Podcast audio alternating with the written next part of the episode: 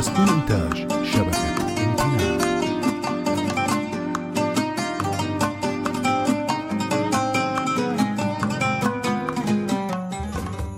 السلام عليكم ورحمة الله. نرحب بكم في الحلقة الأولى من بودكاست محمد باعبيد البودكاست المتخصص في الهجرة والهوية والذي يأتي ضمن شبكة امتنان لإنتاج البودكاست. أصحبكم أنا أبو بكر بادي بصحبة الدكتور العزيز محمد باعبيد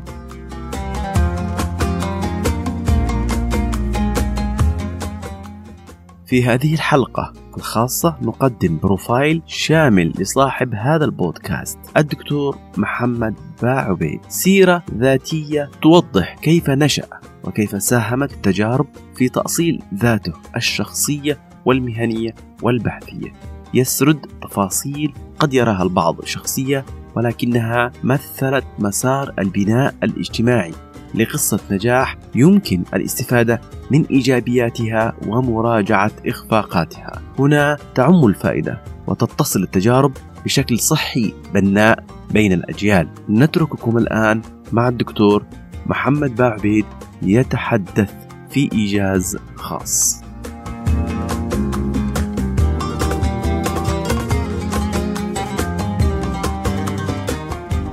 بدأت علاقتك بعلم النفس؟ يعني أنا أنا مثلا تجربتي يعني إذا تحب تتكلم آه، تجربة الإنسان يمر ب يعني نقاط تحول في حياته. شفت كيف؟ ربما نقطة التحول ال- المهمة إنه دراستي الجامعية الأولى في ألمانيا. هذه ربما كانت آه، يعني بداية فارقة في حياتي. هذا الكلام سنة 79 يعني أنا كان حينها حينها عمري كان 22 سنة عندما يعني ذهبت إلى ألمانيا. ونصيبي إنه أدرس أنا هذا التخصص وكان تخصص دقيق يعني في علم نفس الجريمة حينها. نعم. آه، من وقت مبكر فتخيل أنت مثلا واحد في هذا السن آه، يخرج إلى أوروبا وهذا اللي يحدث مع كثير من الشباب الآن يعني. أنا طبعا عندما يعني أشوف اللي يحصل مثلا لكثير من الشباب بما فيهم أولادي دائما أتذكر تجربتي أنا في هذا في المهجر وفي خارج ال- البلد. ال- ال- ال- العامل الثاني اللي طبعا يخلينا أقول إنه هذه مرحلة أيضا هذه نقطة تحول أيضا آه، إنه أنت طبعا آه، أتيت إلى مجتمع مختلف كليه من حيث الثقافة والعادات واللغة وال- والجو إلى آخره. وهناك نقطة أيضا جوهرية أخرى وهي مساحة الحرية الشخصية. يعني هذه مساحة الحرية الشخصية أنا أعتبرها مثلا جرعة تفوق قدرتك على امتصاصها بدون ما تعمل لك هزة بدون ما تعمل لك هزة وارتباك في مجمل آه، يعني في في المنظومه منظومتك الكلية يعني الجسدية البيولوجية والنفسية وال والاجتماعية. فقس على ذلك يعني هذه تقريبا أول تجربة وتعلمت منها الكثير. ما زال جزء كبير منها حتى الآن مؤثر فيها. وفي نفس الوقت يعني آه، يعني تعاملت مع آثارها ب آه، يعني بأشكال مختلفة طبعا. عندما تعود إلى البلد دائما تحمل معك هذا الجزء اللي تكون معك في ال- ال- المغترب أو في المهجر. وطبعا درست طبعا هذه من من المزايا حينها إنه آه، خلصت دراستي في تقريبا نهاية 84 وعدت واشتغلت. وبداية طبعا العمل أيضا كان عبارة عن آه، يعني لحظة آه، برضه نقطة فارقة أخرى في حياتك يعني شفت كيف؟ ثم أتكلم عن تجربتي أنا الشخصية مثلا في كندا أو حاليا مثلا ما أواجهه في حياتي بين إيجابيات وسلبيات. طبعا آه، دائما آه، يعني ألاحظ بان هناك خط ما زال يعني يتواصل بينما كان في لا يعني آه، سنوات العمر ال- المختلفة وبينما يحدث الآن. تعيش تجربة تجارب مختلفة. يعني أنا مثلا كنت في ألمانيا في عندما كان السور سور برلين آه، قائم. وسور برلين طبعا له دلالة يعني رمزية غير عادية لأنه هو يفصل بين يعني يعني معسكرين وبين عالمين. وفي نفس الوقت آه، له دلالة يعني في في في في فيما يتعلق مثلا بالمجتمعات اللي كانت تعيش هنا وهناك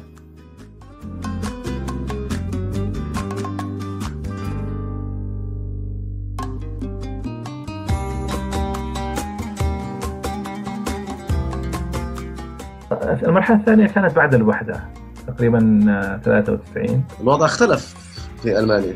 جدا. وفي اليمن أيضا اختلف الوضع.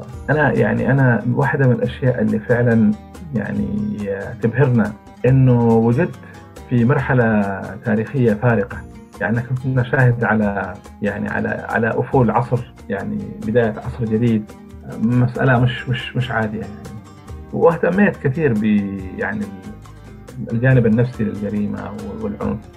اشتغلت أنا يعني فدرست في مدينة اسمها إيرلانجن في جنوب ألمانيا في ألمانيا الغربية حينها يعني طبعا بعد الوحدة. يعني لاحظ مثلا شوف أنا لما مثل ما يقال رب ضارة النافعه أنا هذا الظروف اللي تهيأت لأنه إيش اللي يحصل مثلا؟ أنت الدرس الأساسي بالنسبة لي أنا اللي ممكن يعني أطرحه للناس عامة والشباب بالتحديد تحديات كثيرة جدا جدا لكن السؤال هنا أنت يعني إيش اللي أنت مثلا تريده؟ وإيش اللي تشوفه؟ إذا أنت تركز فقط على المعوقات والسلبيات والصعوبات آه بتشتكي على طول ما تتقدم وتبحث عن طرق مختصرة توصل لك الهدف. فأنا حاولت أبحث مثلا إيش الشيء اللي ممكن يشبهنا وممكن أنا أبدأ يعني يعني أطوره. و و وفي الأخير أشكله بحيث إنه يتكون يشكل, يشكل أرضية بالنسبة لي في هذا في هذا الفضاء اللي يمكن أعتبره صعب وهذا اللي حصل. فهذا ساعدنا بعد كده إنه أنا يعني أظهر هويتي المتميزة ضمن هذه المؤسسة. يعني إذا افترضنا أنك أنت مثلا تريد تعمل شيء معين مفيد آه، على المستوى آه، يعني العام آه لابد ما تدفع ثمن كبير جدا. يعني إما وإنك أنت مثلا يعني آه تكون حالم وتستمر بالأشياء اللي تؤمن بها ولكن تدفع حياتك ثمن لها. يعني في ناس ممكن آه يواجهوا المدفع لكن أنا مش من هذا النوع. أنا أريد أغير. أو الخيار الثاني إنك أنت تتماهى مع الوضع وبالتالي تحقق مكاسب مادية شكلية مهمة جدا ولكن كل يوم تخسر نفسك. يعني دائما مثلا أنت كإنسان عندك تقديرات معينة لكن توصل لمرحلة يكون عندك تقدير يعني واقعي. فأنت لما تبدأ أشياء معينة تكتشف الأمور من نهايتها. فهو القضية في الأخير يعني الناس كلها تبان على حقيقتها لما تكون في المحك. فهي في الأخير أنت هي لحظة فارقة في حياتك بينك وبين نفسك. وأيضا كمان أحيانا قد تكون الصدف يعني أنا أنا ما أدري ما بكذب عليك انه أحيانا تحس أنت تعيش في حلقة مفرغة. وقد يكون هذا أيضا مثلا نوع من الهروب من أشياء أنا ما كنت يعني آه، أحس بها حينها. طيب دكتور أنت سافرت كندا عام 2000 بالضبط أغسطس 2000 أنشأت المركز المسلم عشر في في في في 2010 2009 بداية كانت محاولة استكشاف الوضع درست اللغة وبعدها تقريبا بسنة بدأت أشتغل في نفس المدرسة اللي كنت درست فيها اللغة. وهذا طبعا بالصدفة قابلت شخص مسؤول على برنامج اسمه يعني برنامج الدعم النفسي للمهاجرين. اشتغلت معه يسموه part time يعني عمل جزئي يعني أيوه أشتغل أنا في مجال ال ال الدعم النفسي للمهاجرين الجدد والقادمين الجدد فالمهم وبعدها مباشرة كنت حبيت أيضا أعمل أعمال طوعية في أماكن مختلفة. الجامعة اللي أنا فيها جامعة ويسترن في في في لندن عندها مركز أبحاث العنف الأسري. قابلتهم و, و وأجريت أول بحث حينها هو بحث صغير جدا ولكن هذا البحث اللي طبعا ها؟ سنة كم؟ آه 2003 تقريبا. يعني نهاية 2002 أجريت البحث هذا. كان البحث هذا عبارة عن آه، محاولة لمعرفة آه، كيفية استفادة النساء العربيات والمسلمات من برامج الدعم النفسي لضحايا العنف. فهذا طبعا فتح لي آفاق لأنه عملت آه، مقابلات ومجموعات آه، نقاش مع مؤسسات المعنية بقضايا العنف الأسري والخدمات الاجتماعية والنفسية. وكذلك يعني قيادات الجالية العربية والمسلمة. وخرجت بعض الاستنتاجات. يعني أهم استنتاج أنا طبعا خرجت به من هذا الدراسة إنه السؤال الأساسي المطروح في الدراسة كان قاصر وسؤال إيحائي بمعنى إنه المشكلة تكون مع العرب والمسلمين وليس لها علاقة بكيفية تقديم الخدمة والبرامج برامج الدعم. فبالتالي طبعا آه، طرحت آه، بعض التوصيات وهذه التوصيات في جهات معينة يعني ناقشتنا فيها وعملنا اتفاق بتحويل جزء من التوصيات إلى برنامج جديد. وهذه بداية القصة. تطور إلى أن وصل برنامج المسلم ولا تطور لا, لا هو هو الفكرة إنه يعني البحث كان هدفه إنه يبحثوا مثلا يعني ليش مثلا الأسر العربية والمسلمة ما تستفيد من من البرامج المقدمة في المدينة؟ لأنه الناس طبعا تتخوف إنها تتصل بالشرطة أو نساء مثلا يبحثوا عن يعني عن مساعدة من من المؤسسات المعنية بإيواء المعنفات لما عملت الدراسة أنا اكتشفت أنه في سوء فهم كبير بين الجانبين بين الجالية المسلمة والعربية وبين المؤسسات هذه يعني ما فيش نوع من يعني ما كانش بينهم فهم مشترك. طرحت إنه يعني لابد مثلا اول ما يكون في حوار بين المجموعتين هذه بين المؤسسات المعنية بقضايا العنف الاسري والجالية. آه، وأيضا في نفس الوقت ضمن هذا الحوار يكون في نوع من الصراحة حول آه، إيش مخاوف كل طرف وكيف يمكن مثلا يعني تقديم برامج تتناسب مع الخصوصيات الثقافية والدينية للمجتمعات العربية والمسلمة، طبعا هذا شيء نادر ما بيحصل لأنه السؤال بحد ذاته صعب يقول لك أنت في كندا إيش دخلنا بالخصوصيات وإلى آخره. فهذه طبعا التوصيات تم تبنيها من قبل مجموعة في في المدينة وحصلوا على حصلنا على تمويل سميناه مشروع أمان الأسرة المسلمة. أمان الأسرة المسلمة. أيوه هذا أول أول برنامج عملناه سنة 2003 ليش ركزتوا على المسلمة؟ ما ركزتوش على العربية مثلا؟ والله شوف أنا بقول لك لأنه كان حينها بعد 11 سبتمبر كان في يعني آه، وهي طبعا أيضا نقطة أيضا مهمة جدا لأنه عادة بعد 11 سبتمبر كل شيء تغير، كان في خوف كبير من المسلمين بالذات، كانوا مستهدفين من قبل آه، يعني تعرف آه، نعم. كثير بعض البيض إنه المسلمين إرهابيين والإسلام هذا دين الإرهاب. فبرضه هذه تجربة فيها مغامرة. أنا قلت يعني ليش مثلا نحن ما نعتبر أيضا هذا البرنامج آه، وسيلة لتوضيح الصورة. لأنه أنا أنا عملي هو مش عمل دعوي عشان تكون مسألة واضحة. ولكن آه، اسم مسلم صار يعني بيتعرض يعني بيستفز. فلذلك إحنا سميناه مشروع أمان الأسرة المسلمة. وبعد 11 سبتمبر يعني 2003 11 سبتمبر كان 2011 أيوة. مرحلة وقت صعب جدا. صعب جدا وكان في انتقادات كثيرة. أنا قلت يعني خلونا حنبدأ. يعني الفكرة إنه في كثير من الأخطاء مبنية على صورة نمطية معينة. فنعمل مثلا أيضا آه، تحدي لهذه الصورة النمطية. والله والبرنامج بالمناسبة هو برنامج آه، أنا من البداية أشركت فيه مسلمين وغير مسلمين وعرب وغير عرب من من اللحظة الأولى. وما له علاقة بالمساجد بالمناسبة. يعني البرنامج كان مدعوم أساسا من قبل مجموعة كندية. مهتمة ب يعني الوقاية من العنف الأسري في في المدينة.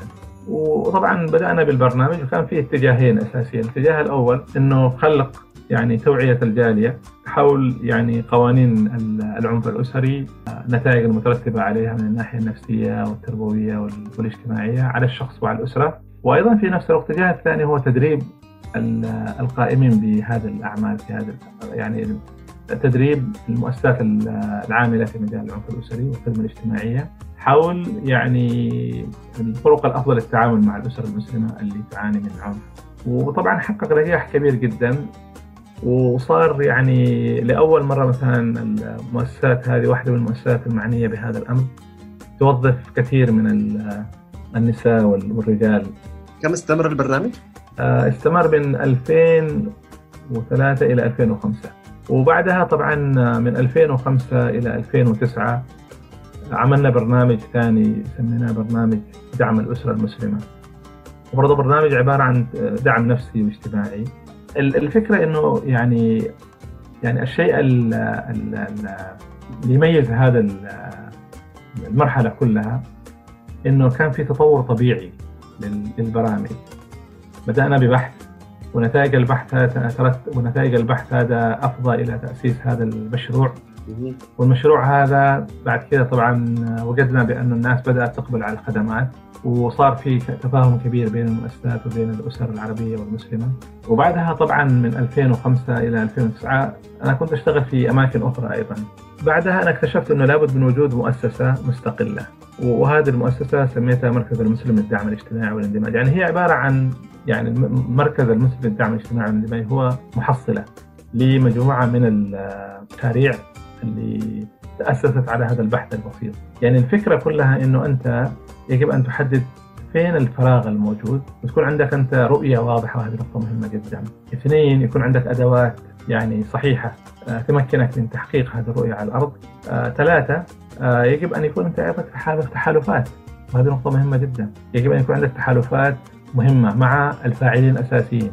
فأنا ما بكذب عليك تركيزي كان على الكنديين أكثر من المسلمين والعرب ولكنهم فاعلين وأيضا الآخرين معهم.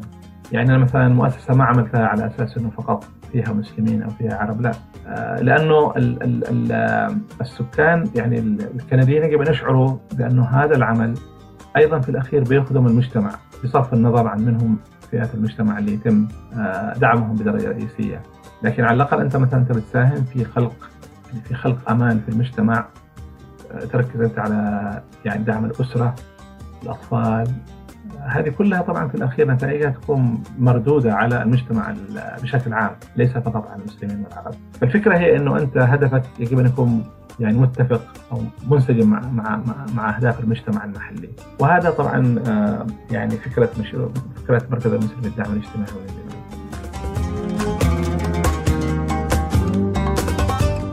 أرجو أن تكونوا قد استمتعتم خلال الدقائق الماضية. وعبر أثير هذا البودكاست المتخصص. وعلى وعد بلقاء جديد الأسبوع بعد القادم. لا تنسوا الاستماع إلى هذا البودكاست عبر أي من المنصات التي تفضلونها. من خلال تطبيقات البودكاست المتخصصة أو عبر اليوتيوب. واغمرونا بدعمكم وتوزيع الحلقات وتقييم محتواها. بالتعليق والإشارة والمشاركة بالقصص والتجارب النصية أو الصوتية. كان معكم أبو بكر باذيب دمتم في خير. والسلام عليكم.